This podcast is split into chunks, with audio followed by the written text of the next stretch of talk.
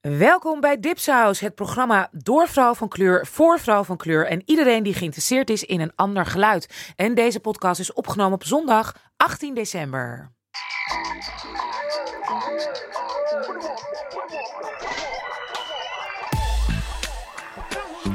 Welkom bij alweer de vierde aflevering van Dipsaus. En vandaag hebben we een hele fijne gast. Dat is cultuurhistoricus Nancy Jouwen.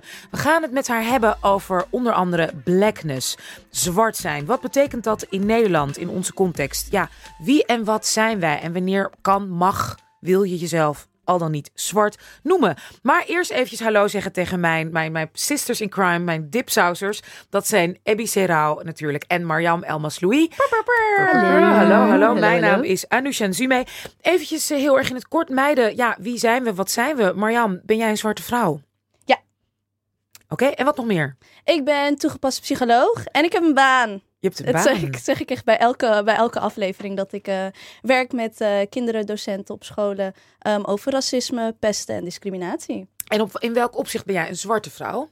Ehm, in opzicht van, als ik vooral kijk naar mijn eh, ehm, heritage, dus naar mijn erfgoed, zie ik, ehm, zie ik dat ik uit het zuiden van Marokko kom. Zie ik heel veel, mijn tantes, mijn families zijn ehm, zwarte mensen identificeren. Sommigen wel, sommigen niet as such. Ehm, en als ik kijk naar mijn positie ook in, in Nederland, ehm, identificeer ik me ook eh, als zwarte vrouw. Ja. Ehm Ebise, jij komt uit de Cradle of Mankind oorspronkelijk. Ethiopië. Ben jij een zwarte vrouw? Ja, ik ben een zwarte vrouw. Tenminste, ik werd een zwarte vrouw toen ik naar Nederland kwam. Want in Ethiopië identificeer je niet op basis... Je identificeert je op basis van je etniciteit meer dan, dan op kleur. Ik bedoel, heel veel Afrikaanse mensen, Sub-Saharan African would say the same thing. You don't identify each other met blackness of niet. Het is, je komt uit een x-etnische etniciteit of niet. Maar toen ik naar Nederland kwam, werd ik inderdaad zwart. Want ik werd ook zodanig aangesproken, ingedeeld, whatever. En ik heb het gewoon meteen omarmd. Komt ook door mijn vader. Hij zei ook van, ABC, je bent zwart. Hij zei, oké. En wat ben je nog meer? Eh, ik ben eh, geen toegepaste psycholoog. Eh, ik, ik werk als redacteur bij Amsterdam University Press. En ik ben een trotse dipsauser. En een trotse dipsauser. Ja. Nancy, jij bent vanaf het begin af aan al bij ons bij het programma. We gaan straks natuurlijk uitgebreid met jou praten. Maar Ja. wat ben jij? Wie ben jij? Ehm, ja, wat ben ik? Als ik, ik noem mezelf een zwarte vrouw ook. En ehm, ik ben op dit moment vooral onderzoeker en docent. Ja. Ehm, en ehm, als ik mezelf als zwart definieer, dan heeft dat heel duidelijk met mijn afkomst te maken. Mijn vader is Papua. Papua's zijn trotse zwarte mensen, eh, zonder dat ze eh, een link hebben met Afrika, maar ze hebben wel een link met Melanesia. En Melanesia is eigenlijk het zwarte deel van de Zuid-Pacific. Dus als je gaat kijken naar foto's op internet van Melanesiërs, dan zie je een ja, another type of blackness, zou je kunnen zeggen. Maar zwarte huid, eh kroeshaar, net zo goed. Verschillende tinten zwart ook. Ehm, ja, en daar voel ik me wel heel erg mee verbonden. Ik ben er ook meerdere keren geweest. Eh, dat helpt ook. Overigens heb ik door te reizen daar naartoe ook wel eh, gezien hoe je etniciteit kan verschuiven. Want er zijn delen geweest waar ik was en dan werd ik eigenlijk als wit gezien. Maar wit in de connotatie met westers. Dus hè, ik gedraag me natuurlijk westers. Ik ben rijk in hun ogen. Ik kijk westers. Mijn motoriek is westers. Ik word De- ook als Ferenc eh, aangesproken. In als ik in Ethiopië ben, ben ik een Ferenc. En, En dat is? Ferenc betekent foreigner. En eigenlijk eh, alleen maar op westerse Westers, ja. Ik ook in Cameroen. Ja. Word, mijn vader komt uit Cameroen, mijn moeder uit Rusland. En in Cameroen word ik ook vaak ingedeeld toch als, als white man zelfs. Ja? Nee, want kijk, ik- ik deel het een, White noemen zeggen ze dan gewoon. Hey white, You're come here. Ja. Nee, ze, ze zeggen tegen mij dat je bent French of je bent ja, dus verwesterd. En ze, ze denken zelfs dat ik niet in Ethiopië geboren ben, überhaupt. Ja, precies. Ja.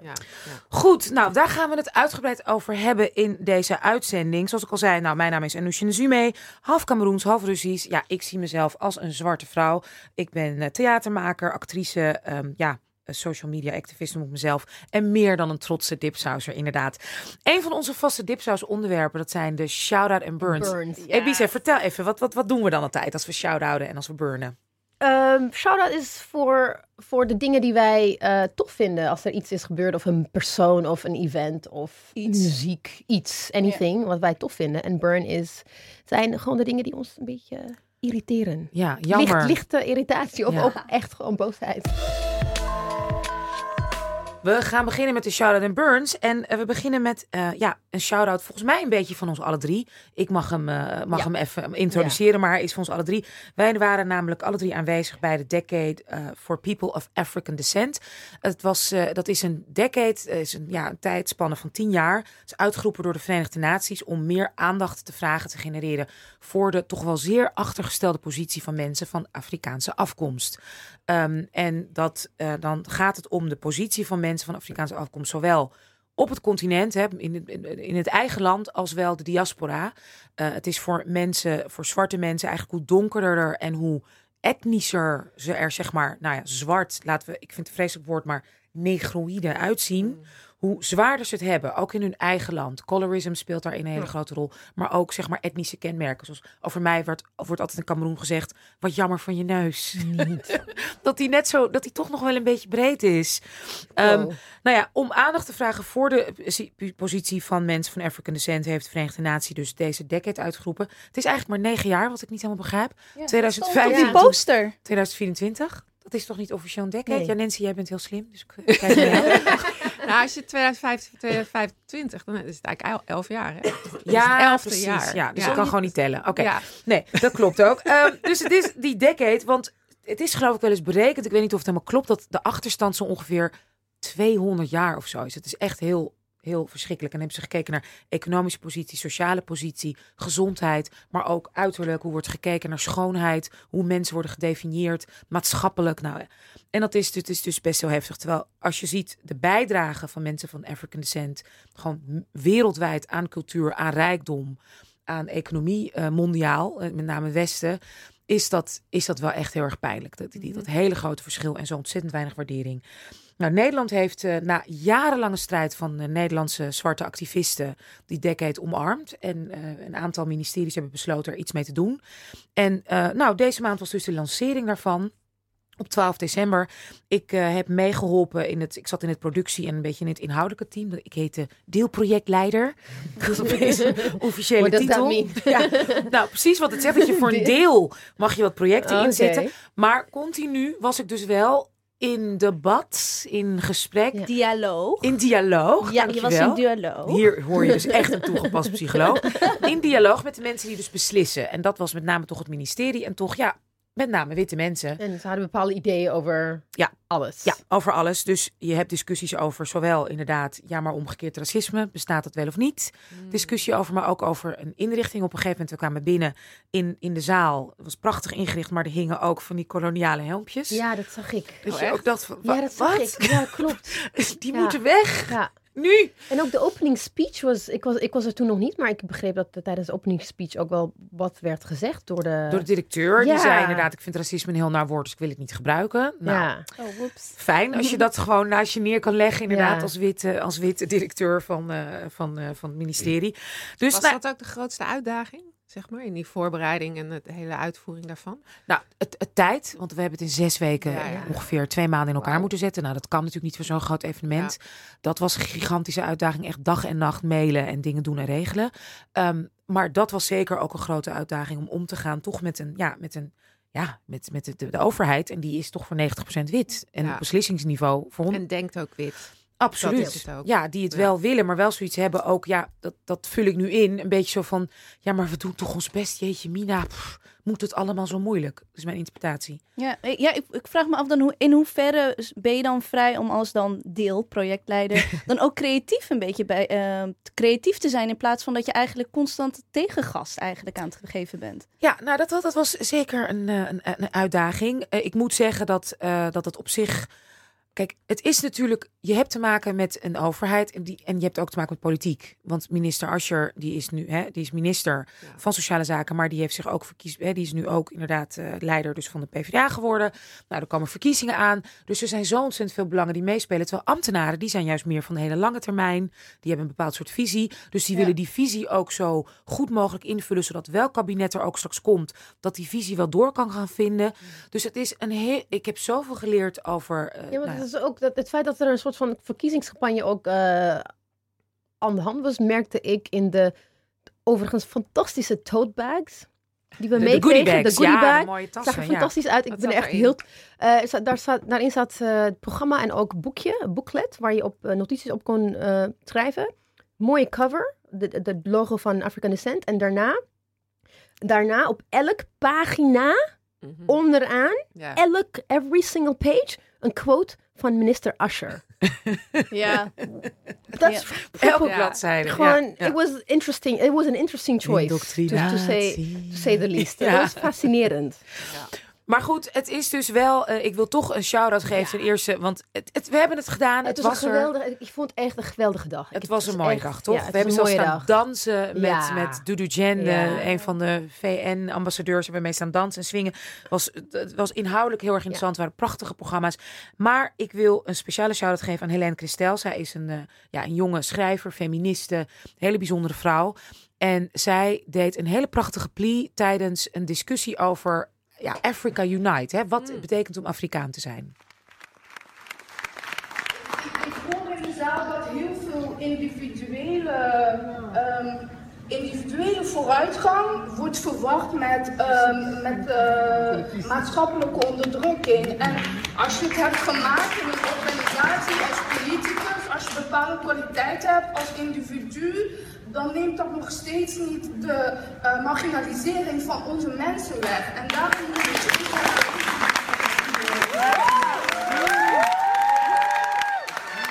Laten natuurlijk niet alles horen, maar wat zij eigenlijk zei is van we moeten niet, kijk, we moeten inderdaad niet verwarren dat individuele vooruitgang en succes van mensen van African descent, dat dat zeg maar symbool staat voor de algehele positie van mensen van African descent. Dus inderdaad, fantastisch dat er, eh, nou, daar ga jij het straks over hebben, Barack Obama, hè, een zwarte president in Amerika, betekent niet dat we dat racisme, hè, afrofobie niet meer bestaat. Dat zei ze. En wat ik de quote die, waar, die staat hier niet op, maar wat ze zei, wat mij ontzettend raakte, en daar gaan we het ook straks over hebben, is ze zei: zolang er mensen, hè, lichaam op de Middellandse Zee, hè, verdrinken, dat, dat hoort ook bij Black Lives Matter. Nou, dat raakte mij echt Ja, enorm. Het ra- zij is eh, Rwandees, is vluchteling, jonge vluchteling, met haar ouders hier gekomen. Dus ja, zij, dit is een vrouw waar we zoveel meer van gaan horen. Absoluut. En eh Mariam, Ah, heb jij ja. een shout-out en burn? Ja, eigenlijk staan mijn shout-out en burn in één. En dat ging om ehm, een artikel in de Volkskrant. Want eh C, ehm, SCP, Sociaal Cultureel Planbureau, die had eh, onderzoek gedaan naar integratie. En mijn burn gaat dan er ook meteen naartoe, naar het woord integratie. Dat we daar anno 2016, bijna 17, blijkbaar, ik ben hier geboren en getogen, ik ben me aan het integreren, blijkbaar, weet je. Ja, of niet Ehm, genoeg. Hè? niet genoeg. en dan gaat het over, en dan was de kop was dan eh, kinderen van migranten vaker naar de universiteit, maar vinden niet vaker een baan. Dus het, gaat, het artikel gaat over dat ze hebben gekeken naar hoeveel van de tweede niet-westerse generatie een ha- naar de HAVO gaan, naar de VWO, doorstuderen naar universiteit. Nou, je ziet dat dus dan allemaal, dat stijgt. Dus de shout-out naar ons. En, ehm, maar het, dat het uiteindelijk niet leidt naar verbetering op de arbeidsmarkt. en de kop was ook bij de van integratie stagneert. Omdat op een gegeven moment zeggen ze zo van ja, ehm, eh, bij partners, bijvoorbeeld Turkse partners, wordt er niet nog, ehm, is er, volgens mij was het 16, 30 procent dat niet, nee, oh ja, spreekt 31 procent nooit Nederlands met de eigen partner. Dus dat is dan een teken van integratie of zo? Van niet-integratie. Dus dat je niet genoeg integra- integreert. Ja, dat je met je partner... Ja, ja, Dus je moet helemaal Nederlands praten met Dan je. pas ben je met je geïntegreerd. ja, En wordt er nog eh, uitgelegd waarom? Dus inderdaad, dan hebben kinderen, jonge mensen doen een opleiding, eh, hè, studeren. En toch vinden ze, moeite, vinden ze moeilijker een baan. Wordt daar nog aan gerefereerd waar dat aan en ligt? Hier, en hier is de kikker. Ik heb het uitgeprint. Ik ben nu aan het bladeren. En ik zie geen één keer het woord racisme of discriminatie. Oké. Dus ik weet dat ze een beetje huiverig zijn voor de R-word. Maar denk ik, nou, discriminatie kan... Nee, Toch die wel wordt niet maar meespelen, ja. Wat, sorry dat ik eh interrumpeer. Nee, One of the things that I found interesting in de manier waarop hierop, hierover werd gepraat, is dat, dat eh, dus ehm, mensen met een migrantachtergrond steeds beter presteren op school en eh, Ja. studeren af. Maar juist dat de integratie juist tegen, systematisch tegengewerkt Ja. wordt door instanties en instituten. Dus het is who is not integrating, integrating with whom. Ja. Precies. Dat Ja. is een heel aparte manier van kijken eh, naar, naar de situatie. Waar, als in, En weet je hoe ze dat hier noemen? Een integratieparadox. Ja, dus met andere woorden, je vecht je in, je doet wat je moet doen, Ja. je, je, je, je, je volgt zeg maar de economische eh, ladder die van je Ja. wordt verwacht, cultureel en sociaal gezien. En dan nog vind je met heel veel minder snel een baan. Ja, zeker. Maar de instituties veranderen niet. Nee. De powers that be. De overheid is gewoon ontzettend wit. En er wordt niks gezegd over etnisch profileren ehm, of wat dan ook. Helemaal, het, het wordt, het, je, je valt eigenlijk in Discriminatie zo'n... op de arbeidsmarkt, huismarkt. Ook niet, nee. In het het wordt- wel, dacht ik. Dat ze In ieder geval hier, ik heb het specifiek over artikel van de Ja. Volkskrant. Heb ik dat Het is eh, interessant hoe het door de pers Nancy? geframed wordt. Ja. Hè? De NOS doet dat, ah, het draait hem ook om, net zoals de Volkskrant. Wat draait Dus- er nog om?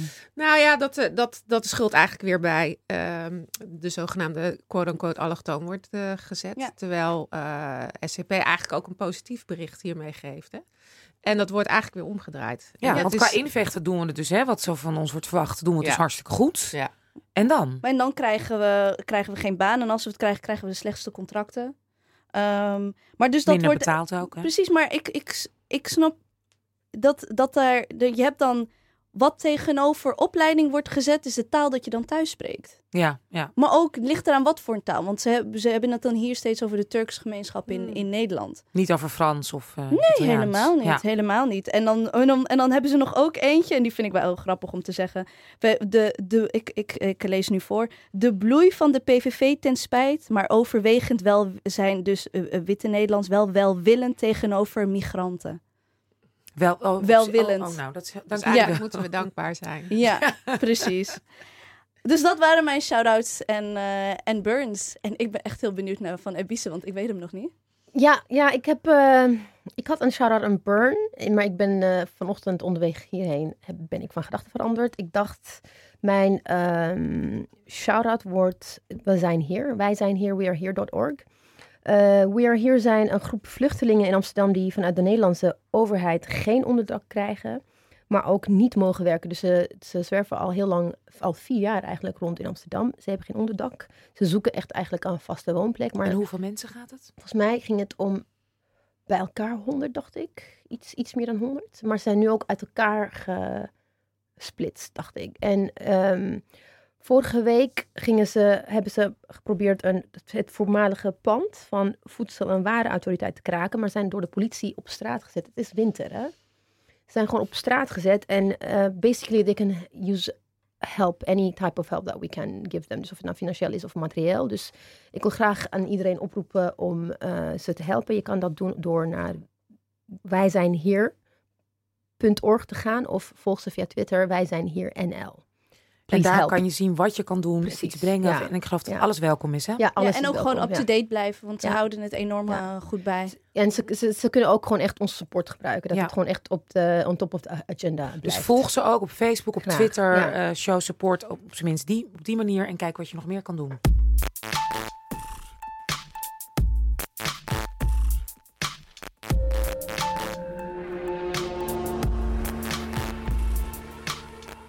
Nancy Jouwe is bij ons de gast. Ehm, activist, lecturer, feminist, organisator. Je studeerde vrouwenstudies en cultuurgeschiedenis in Utrecht. Je bent betrokken bij projecten, initiatieven ter bewustwording van de zwarte geschiedenis in Nederland. Nou, nogmaals, welkom Nancy. Dank je. ja, je vertelde al net al aan het begin van het programma even kort waar je mee bezig bent. Hè, met veel aan het, eh, aan het, aan het doseren. Ehm, wat, is, is er nog iets anders wat je nu wil vertellen waar je aan werkt? Of, want je had het tegen ons over, ja, ga ik wel of niet promoveren bijvoorbeeld? Oh ja, ehm, formeel eh, ga ik promoveren, maar ik heb er eigenlijk dit half jaar nog geen tijd voor gehad. Omdat ik inderdaad met allemaal andere dingen bezig ben. Maar dat moet ik. eh, dus het slimme ding om te doen is om die dingen te gaan integreren. Dat ga ik dus, eh, dat is het, goede voornemen voor 2017.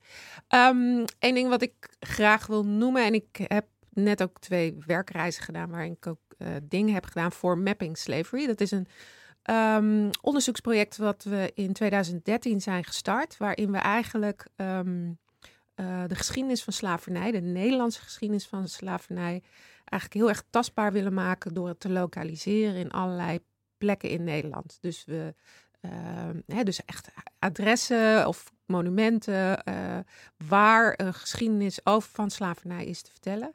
Eh, dat willen we aanduiden. Want die zijn er heel veel in Nederland, maar Precies. die kennen we niet als nee, zodanig. we kennen het eigenlijk niet. En ehm, ehm, we, eh, eigenlijk is de geschiedenis, de Nederlandse geschiedenis van slavernij is tot 2013 eigenlijk door stilte gedomineerd. Ehm, en heel vaak wordt het eh, gedoseerd op scholen als een onderdeel van de Amerikaanse geschiedenis, niet eens de Nederlandse. En voor zover het wel wordt gezien als een Nederlands ding, wordt het heel erg eh, gekoppeld aan eh, nou, Surinamers.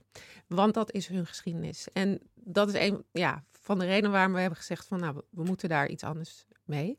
Ehm, we moeten meer bewustwording creëren dat, dat we realiseren dat het een Nederlandse geschiedenis is. Een geschiedenis van ons allemaal. Ehm, historici hebben op zich veel onderzoek gedaan, ook veel cijfertjes.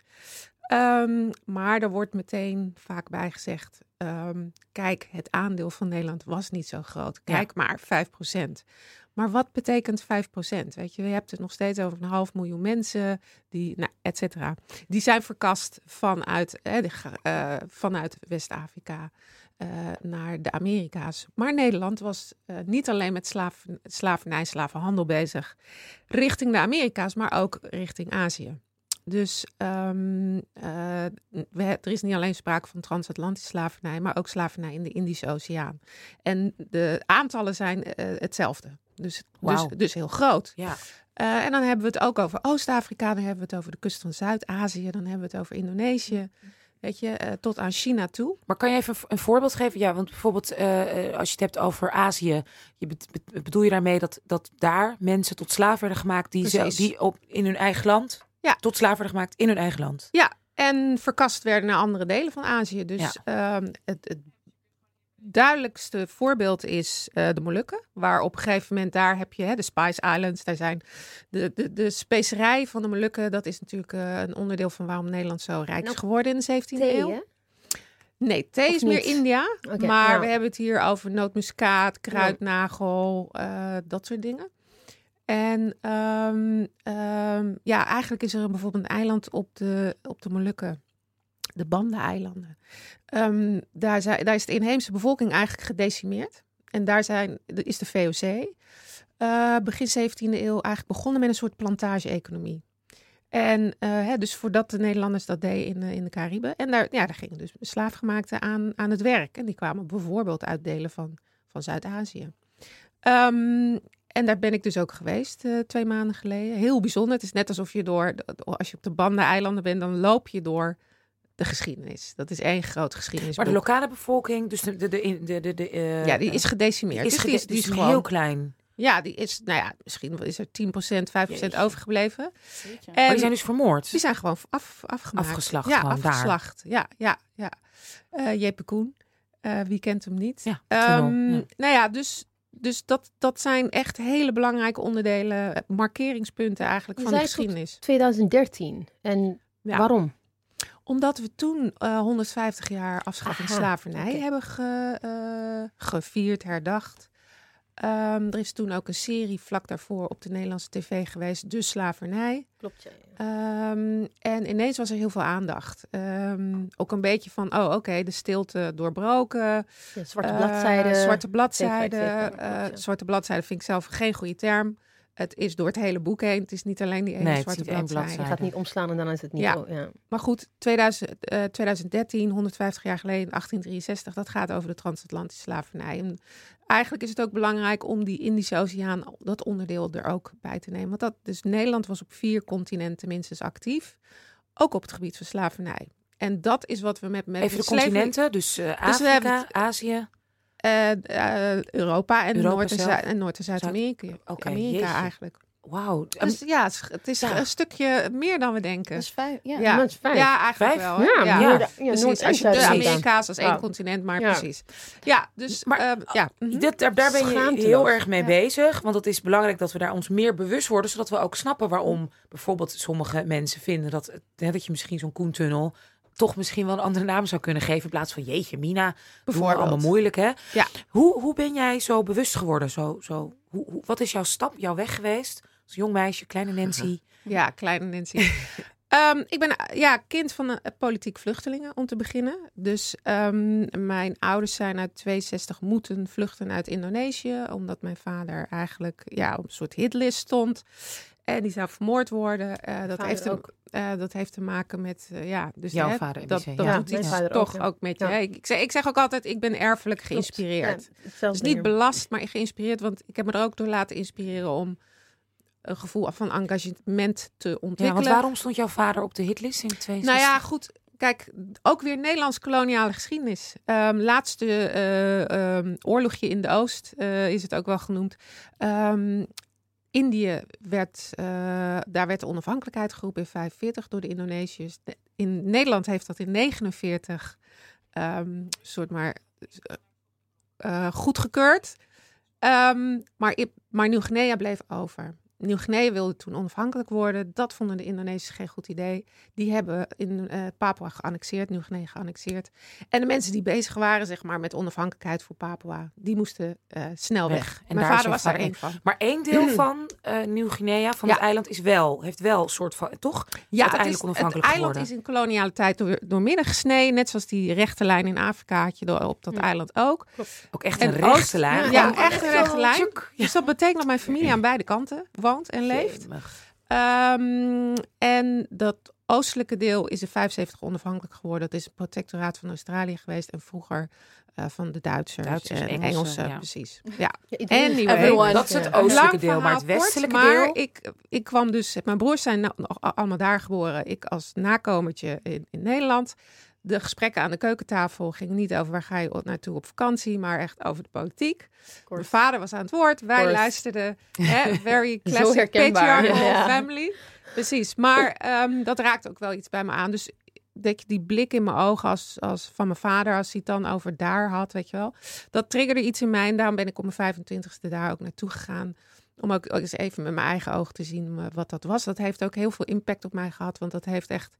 Ja, ik voel. Ik heb dit verhaal vaak verteld. Maar de eerste keer dat ik toen op Papua bodem aankwam. Toen voelde ik ook de, de aarde wortel schieten in mijn, in mijn voeten, in mijn benen. Weet je wel. Dat is gewoon iets wat je niet van tevoren rationeel bedenkt. Maar wat je overkomt. Dus ehm, zoiets doet iets met je. En ja, ik, ik, ha- ik raakte ineens bekend met 100 jouwes. Die ik nog nooit had ontmoet. Of 200 jouwes. Echt, echt heel bijzonder. Dus ehm, ja. Maar je ziet ook dat het een bezet land is. Ja. Dus, eh, Hoe is de situatie nu? Want ik heb een interview met jou gelezen in 1996. Heel strijdbaar. ja, Eh, je vader eh, leefde toen nog. ehm leeft nog steeds. leeft nog steeds. 93. Oh, 93. Wauw, Ja. wat fantastisch. Hoe strijdbaar zijn jullie nu nog steeds? Hoe, hoe, hoe is de situatie daar nu? Ja, ehm, daar, daar kan ik heel uur over praten, Ja. dus dat wordt lastig. Maar kort en goed gaat het niet. eh, Is het, is het een, een lastige tijd nog steeds daar? De mensen hebben nog steeds heel veel behoefte aan meer zelfbeschikking dan dat ze krijgen. Er is wel een eh, speciale autonomiewet ingevoerd tien jaar geleden. Maar dat kun je eigenlijk een, mislukking noemen. Ja. Ehm, dus ehm, ja, mensen zelf daar eh, hebben, sp- spreken over een slow genocide. Weet je, het is, ja, het is toch Black Lives Matter daar as well, weet je wel. Dus Want gaat het daar om de grondstoffen? Waarom, waarom, krijgt, dat, waarom krijgt dat deel niet Ja. onafhankelijkheid? Gaat het Ja, gewoon om rijkdom? ja, de eh, volgens mij grootste goudmijn van, ter wereld, van de, ter wereld. En BP Kopermijn, zit daar, hè? ehm, eh, houtkap, eh, visserij, ehm, en BP? palmolie, BP zit daar. Eh, hè, dus de, de, de rijkdom aan grondstoffen is natuurlijk een vloek geweest voor haar, voor haar bewoners uiteindelijk. En dat, dat is waar het om gaat. Freeport McMoran hè, is een Texaanse mijnbouwcorporatie, zit daar al vanaf 67. Eh, geeft ja, een heel iets. Ik weet niet wat de cijfers nu zijn, eh, maar een tijdje geleden was het 8% van het bruto nationaal product van Indonesië wordt door die mijnbouw gefourneerd, weet je wel. Dus het zijn hele grote belangen. Wij nemen even een pauze om onze sponsoren en Studio Salto te, te bedanken. Eh, dat is eh, de studio waar we nu zitten. Het Stimuleringsfonds van de Journalistiek voor ons bestaan. En een shout-out naar Revue die onze nieuwsbrief faciliteert. En abonneer je op www.dipsaus.net. En daar zitten alle interessante links. En er komt echt een denderende playlist van ons. We zijn terug ehm, in onze podcast Dipsaus. We zijn heel erg blij met onze gast Nancy Jouwe, cultuurhistoricus. En ook, eh, Nancy, je houdt je ook heel erg bezig vanuit je achtergrond ook met Nou, blackness, zwart zijn. Eh, daar willen we het graag met jou over hebben in het deel van het gesprek. Ehm, we hebben, ik, ik, ik zie de term, heb ik gelezen ook in, onze, in ons voorwerk, eh, racecrafting. Uh, race issues. Race. Maar ja, misschien kan jij het introduceren, want jij kwam met die vraag. Nou, het gaat er eigenlijk om, waar wij vooral nieuwsgierig naar waren, was over ehm, wanneer.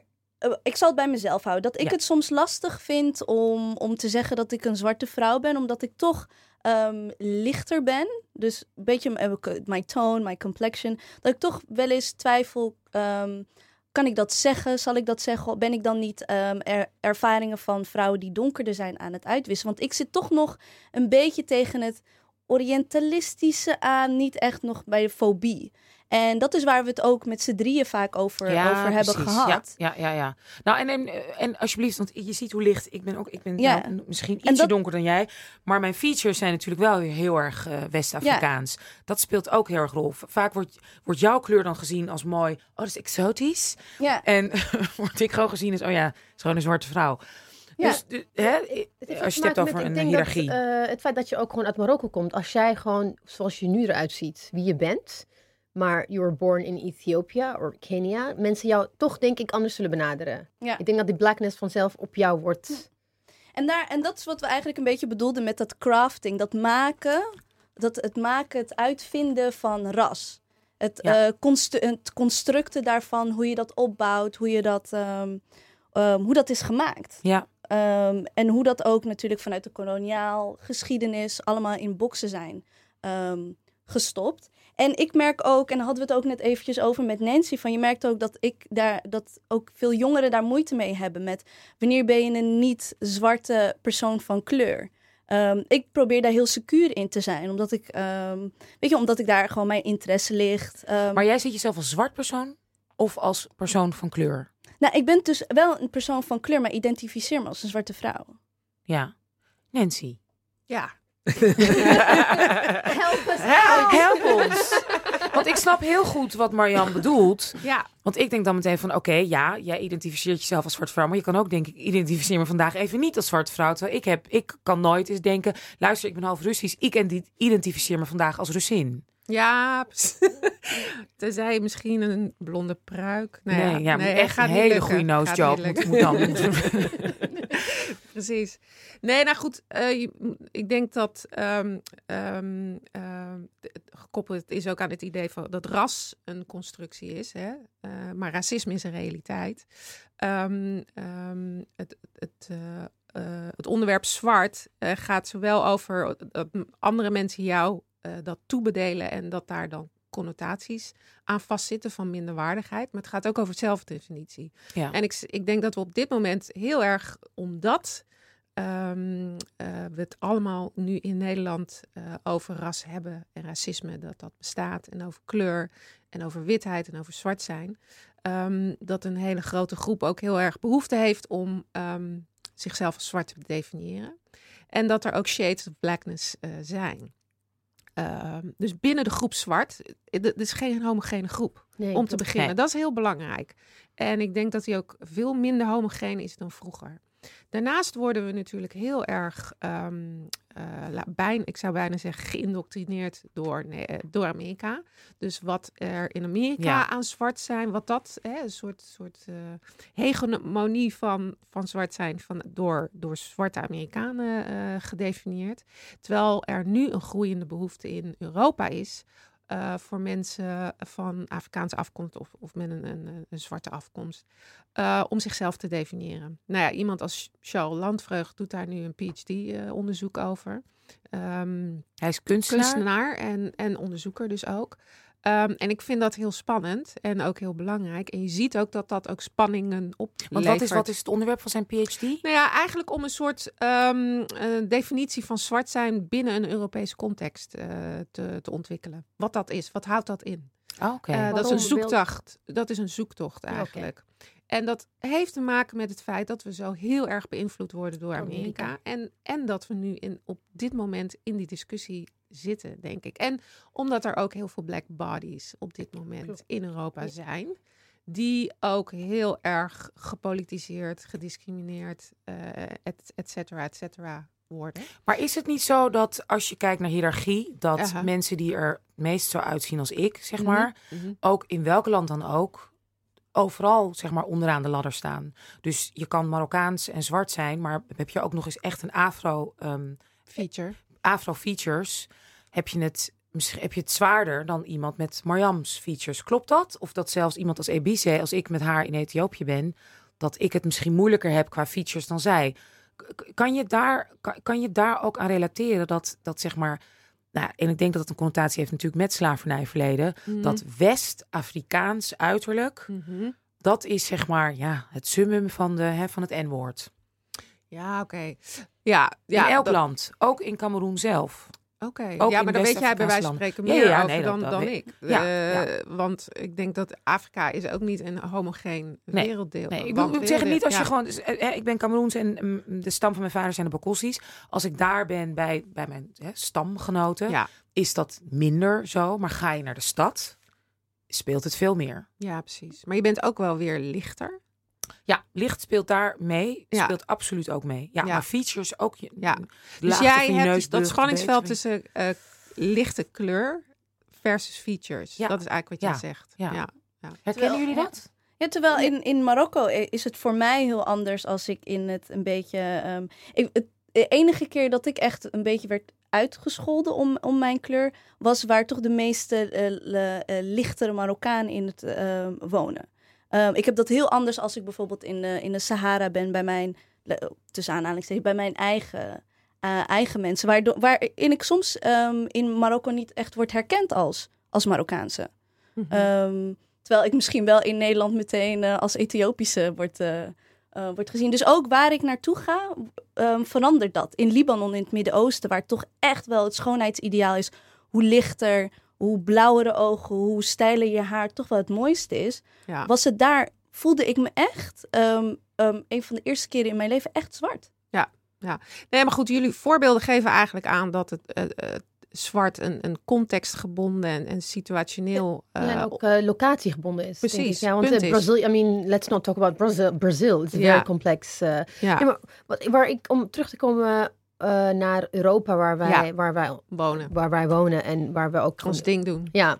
Um, what I also also interested in is hoe wij, los van hoe anderen ons labelen, hoe wij ook elkaar eh, labelen. En we zijn ook bezig met een soort van kaders en grenzen te stellen van jij bent wel en niet zwart. Dat, dat, die, die discussie vindt Mhm. ook eh, plaats. En mijn vraag is, doen wij ook dan niet zelf mee aan dat racecrafting, bedoeld of onbedoeld? Dat wij dan bezig zijn met in stand houden van een sociaal en historisch En construct. leg even racecrafting uit voor de ja, luisteraars. hoe, hoe, ik denk dat je het beter kan uitleggen, of niet? Het is het craften, het is het maken Van van, ehm, zeg maar, hoe, je, hoe, je een, hoe je een sculpture, hoe je een beeld zeg maar uittikt. Mhm. Zo dat je dat doet met ras, dat je dat ook bij een Want ander doet. Waar komt die term dan vandaan? Eh, America, it's, uh, there's a book. Ik, ik- Ja. ik, ken de titel niet zo uit mijn hoofd, maar het is echt race. Het is net een boek uit. Maar eh, gaat dat over hoe de ander jou neerzet? Of, Nee, eh, meer bijvoorbeeld. Er zijn ook discussies geweest waarin eh, iemand bijvoorbeeld tegen Marianne, ja, maar, maar je bent niet zwart. mhm. Weet je, dat gewoon Ja. andere zwarte mensen of andere mensen van kleur, kleur elkaar aan het. le- sizing up. We're sizing up up. each other op Ja. basis van. Eh, op basis van kleur of features, features die min of meer opgelegd zijn. Dus Ja. dat we, we leven in die construct, maar dat wij ook die construct eigen maken, waardoor we elkaar. Het is het- geïnternaliseerd. Ja, het is en dat we dan elkaar aan het eh, labelen zijn according Ja. to. Dus do- we doen ook denk ik daar actief aan mee of niet. Maar en dat, hoe het gaan we daarmee ja, om? maar dat het Mhm. wel, dat je moet benadrukken dat het geen reverse of wat dan ook Ja. is, maar dat het echt anti-blackness is. Ja, Mhm, Ja. Ja, nou ja, kijk, ik denk, ik denk dat we, ja, als we het even bij Nederland houden, Ja, dat we ja, nu we heel erg doen. behoefte hebben om eh, onszelf te definiëren. En dat we daar ook nog lang niet uit zijn, omdat, ja, omdat de diversiteit binnen de zwarte gemeenschap, voor zover je kunt spreken over een zwarte gemeenschap, ehm, heel groot is. En ik denk dat we nog te weinig tot nu toe zijn bezig geweest om, om dat ook te benoemen. Ehm, ik ben even haar, Marleen de Witte van de UvA is bijvoorbeeld, heeft bijvoorbeeld onderzoek gedaan in Zuidoost naar de, de spanningen tussen bijvoorbeeld ehm eh, Surinamers in de Bijlmer en mensen met een West-Afrika, vooral Ghanese. eh, Ghanese grote Ja. Ghanese gemeenschap. in Precies. En ja. ehm, hoe daar omgegaan wordt met de term zwart. Ehm, En wat is een- nou ja, dus eh, ehm, mensen uit ehm, van Afrikaanse afkomst willen zich dan liever niet zwart noemen, uh, maar liever Afrikaans. Ehm, noemen mensen uit Suriname weer uh, slaven als een scheldwoord. Dus er zit heel veel spanning, zeg maar.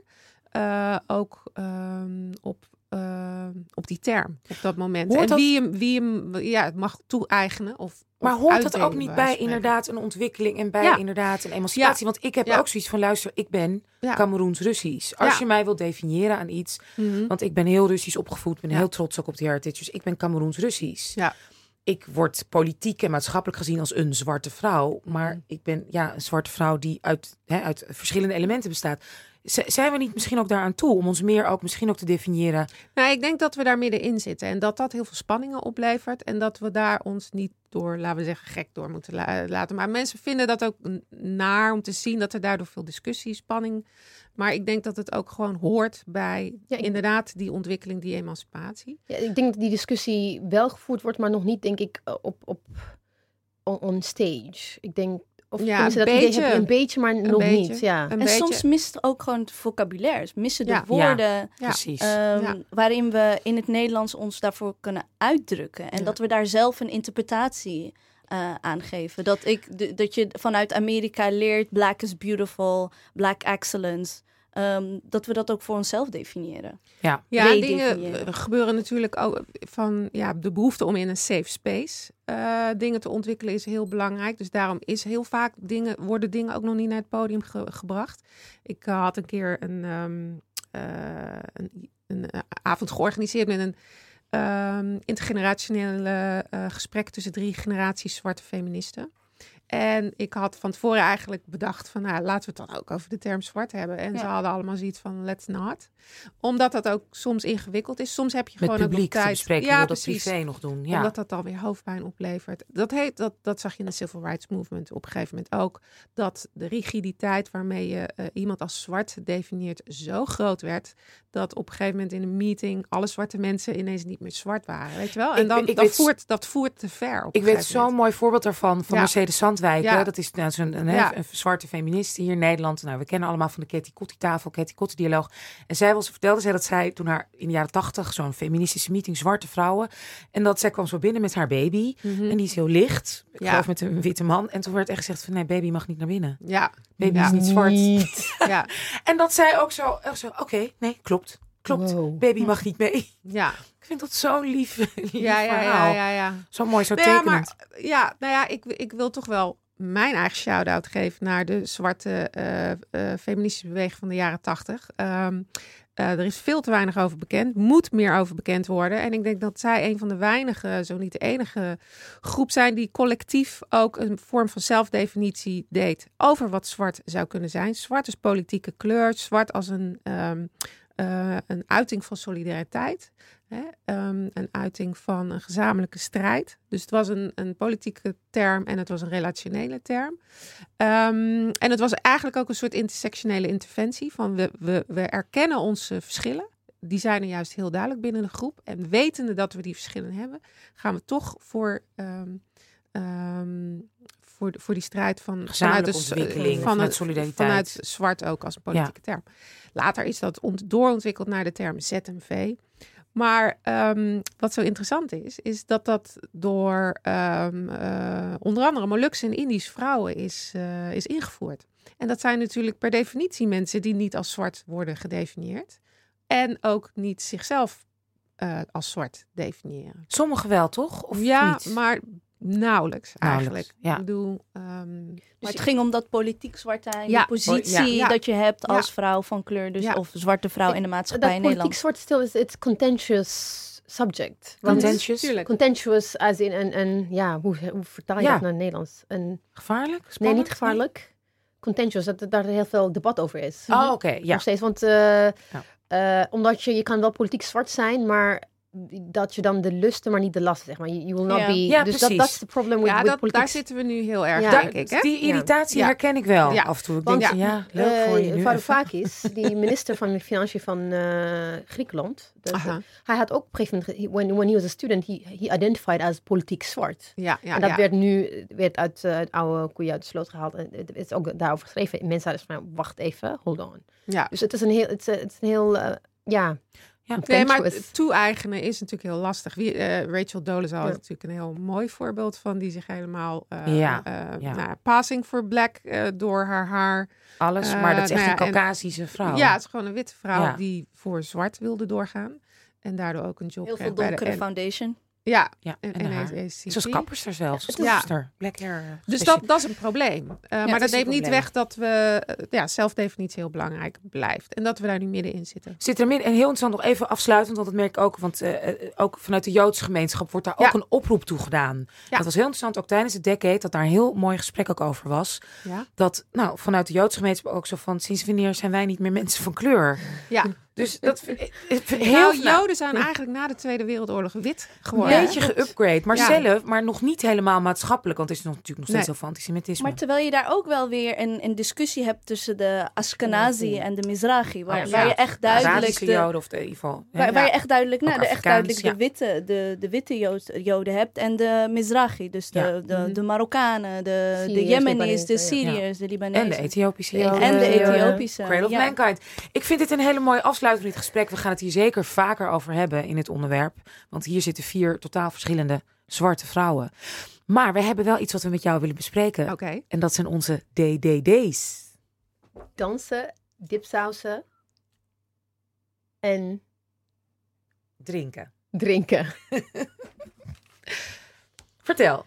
Ehm, ja, we hebben dus... Leg ze even uit. Ik, Ja. ga, ik ga even uitleggen wat de 3D's zijn. Eh, wij eh, vragen elke keer aan onze gasten. We geven je drie eh, namen van mensen Mhm. eh, die we uitgekozen hebben. En we, je, je- je wordt eh, eh, aan een keuze Blootgesteld. blootgesteld. Ik moet er eentje kiezen. Je moet Je, kiezen. je moet met wie wil je dansen, Oké. met wie wil, wil je drinken en met wie wil je dipsausen. En dipsausen betekent the stuff that you do with your friends. Lachen, Ah, oké. filmpjes, appen. Ja, Heel Smoezen. contact. Ja, s'nachts. Contact. Maakt niet uit hoe laat, maar Ja. je antwoord. dat is Ja, dipsaus. of of eh, Oké. drunk Intensief. dialing, et cetera, et cetera. ja, foto's Ja. sturen van jezelf dronken. Dat soort dingen. Maar ook, en voice je- messages, heel Ja. veel audio. En we hebben alle, alle drie hebben, Hebben we er één? één gekozen. Ik begin met Anousha. Oh, je begint met mij. Ja. Oké. Wat wil je doen met Simon Tahamata? En, ja, En ik zal je zeggen waarom ik hem heb gekozen. Nou, hij is natuurlijk een Nederlands-Belgisch voormalig voetballer. Zuid-Molukse afkomst, boegbeeld van de Molukse gemeenschap. Maar zo grappig, toen ik klein was en ik hem voor het eerst op tv zag, zag ik hem echt als een zwarte man. Ja. Gewoon zo'n soort man als mijn vader. Mhm. Dus ik heb, ik, voor mij was het gewoon helemaal, het is een zwarte man, het is een zwarte man, Mhm, punt. mhm, Ja, ja, ja, Molukse helemaal leuk, maar het is een zwarte man. Dus dat was voor mij de eerste, vond ik echt, hè, dat iedereen Ja. naar hem wilde kijken ook, want Ja. het was voetbal. Ja. En eh, Mariam, die heb je uitgekozen. Dus daarom heb ik hem gekozen. Ik, Oké. heb, eh, ik heb spo- speciaal voor jou eh, Marco Borsato. Want, eh, Speciaal voor jou. spe- ja, speciaal. hij is zanger en ehm War Child ambassadeur. En ik luister alleen naar Marco Borsato als ik heel ver weg van Nederland ben.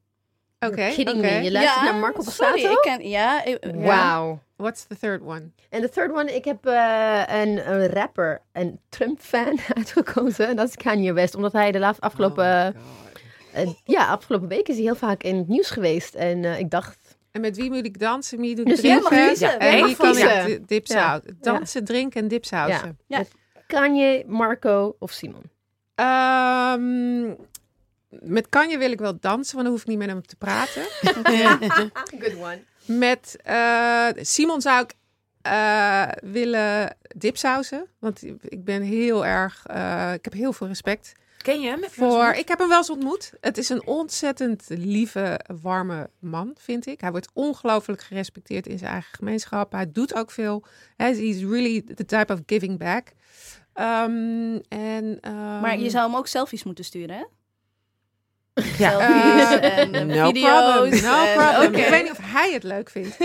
Ehm, ja, want Marco kan ik niet mee dipsausen, maar daar zou, die zou, daar zou ik wel mee mee willen drinken. Want dan, dan, dan kunnen we, weet je wel, dan gaan er een soort grenzen weg. En dan Ja. hoor ik dingen die ik anders niet En gehoord dan vind je die muziek hebben. misschien ook lekker. Als je Ja, een paar ja, borrels. ja, precies. Ik, ik, ik kan eigenlijk, ik probeer na te denken, oh, gewoon één, één hit van Marco. I don't, I don't. Afscheid Meeste nemen. stroom zijn bedrog. Ja. Oh ja. Ja, That was droge rood. Dat was echt een hit in, in, in de 90s gay dat is scene true. hoor. Ik bedoel, ik Ja, heb daar heel vaak eh, forgot. naar moeten heb- luisteren. Ja, ontzettend.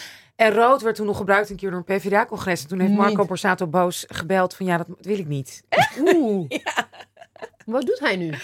Wij moeten bijna afsluiten. Nog één ding over Simon Tamaat. Want dat vond ik ook zo indrukwekkend van hem. Ja. Dat werd toen aan hem gevraagd. Wat heb je liever? Eh, dat, dat Nederland eh, kampioen wordt met voetbal, weet ik veel, wereldkampioen. Of eh, vrij, of Molukken. En toen zei hij, nee, de Molukken. Dat is, wat, dat is tuurlijk, Ja, maar dat hoe is- gaaf dat een voetballer, een Nederlands Ja, voetballer, ja. dat gewoon keihard zegt. ja, hey, maar dat respect zit hoor. dieper, hoor. Ja. Maar ik heb ook wel één ding met Kanye. If you grow up liking his music, hoe ga je er nu mee om? Gaan we nooit meer naar Kanye West Nee, eh, gewoon nooit albums meer luisteren? luisteren. Nee. Echt? Ik vind het een beetje lastig. Ja, ik Heel heb lastig. dat met Woody Allen. Ja, Ja. Oh, ja, ik, heb, ja. ik ben zo ongelooflijk fan van zijn werk. Voor, zeker zijn vroegere werk. Ja. Oh, ja. En dan... ehm Woody ja, Allen is toch beschuldigd van pedofilie. misbruik? Hij is gewoon zijn pedofiel. eigen, Ja, Oh. is gewoon een pedofiel eigenlijk. Eh, dus dat vind ik ook een hele lastige. Ja, maar Nou, R. jongens- Kelly, ik luister niet meer naar R. Kelly. Nee, R. Kelly is Nee, klaar. R. Kelly is oh mijn god. Nou, dat, Nee, dat is volwassen worden. Afscheid nemen bestaat afscheid. niet. Maar we nemen nu dus helaas wel afscheid. Nancy, kom snel bij ons Nancy, terug bij Dipsaus. Ja, jullie willen ook ontzettend snel. bedanken. Gaat veel snel. Onze, eh, ik zit te zoeken. Ja, eh, nee, waar is mijn laatste bladzijde nou weer? Oh ja, hier. Ja. Ik wil Ronald Hooy ontzettend bedanken. Onze lieve warme technicus die ook koffie heeft gemaakt voor ons vandaag. En natuurlijk onze fantastische regisseur Patricia Kroni. Mijn geweldige collega's Marjam, Ebice, Nancy, dankjewel dat je er bent. En, En jij eh, dankjewel, Anousha. tot, eh, tot snel weer, lieve mensen. We gaan er even uit voor de kerst. Daarna weer spreken we ons. Doei. Dag, dag. Gezellig.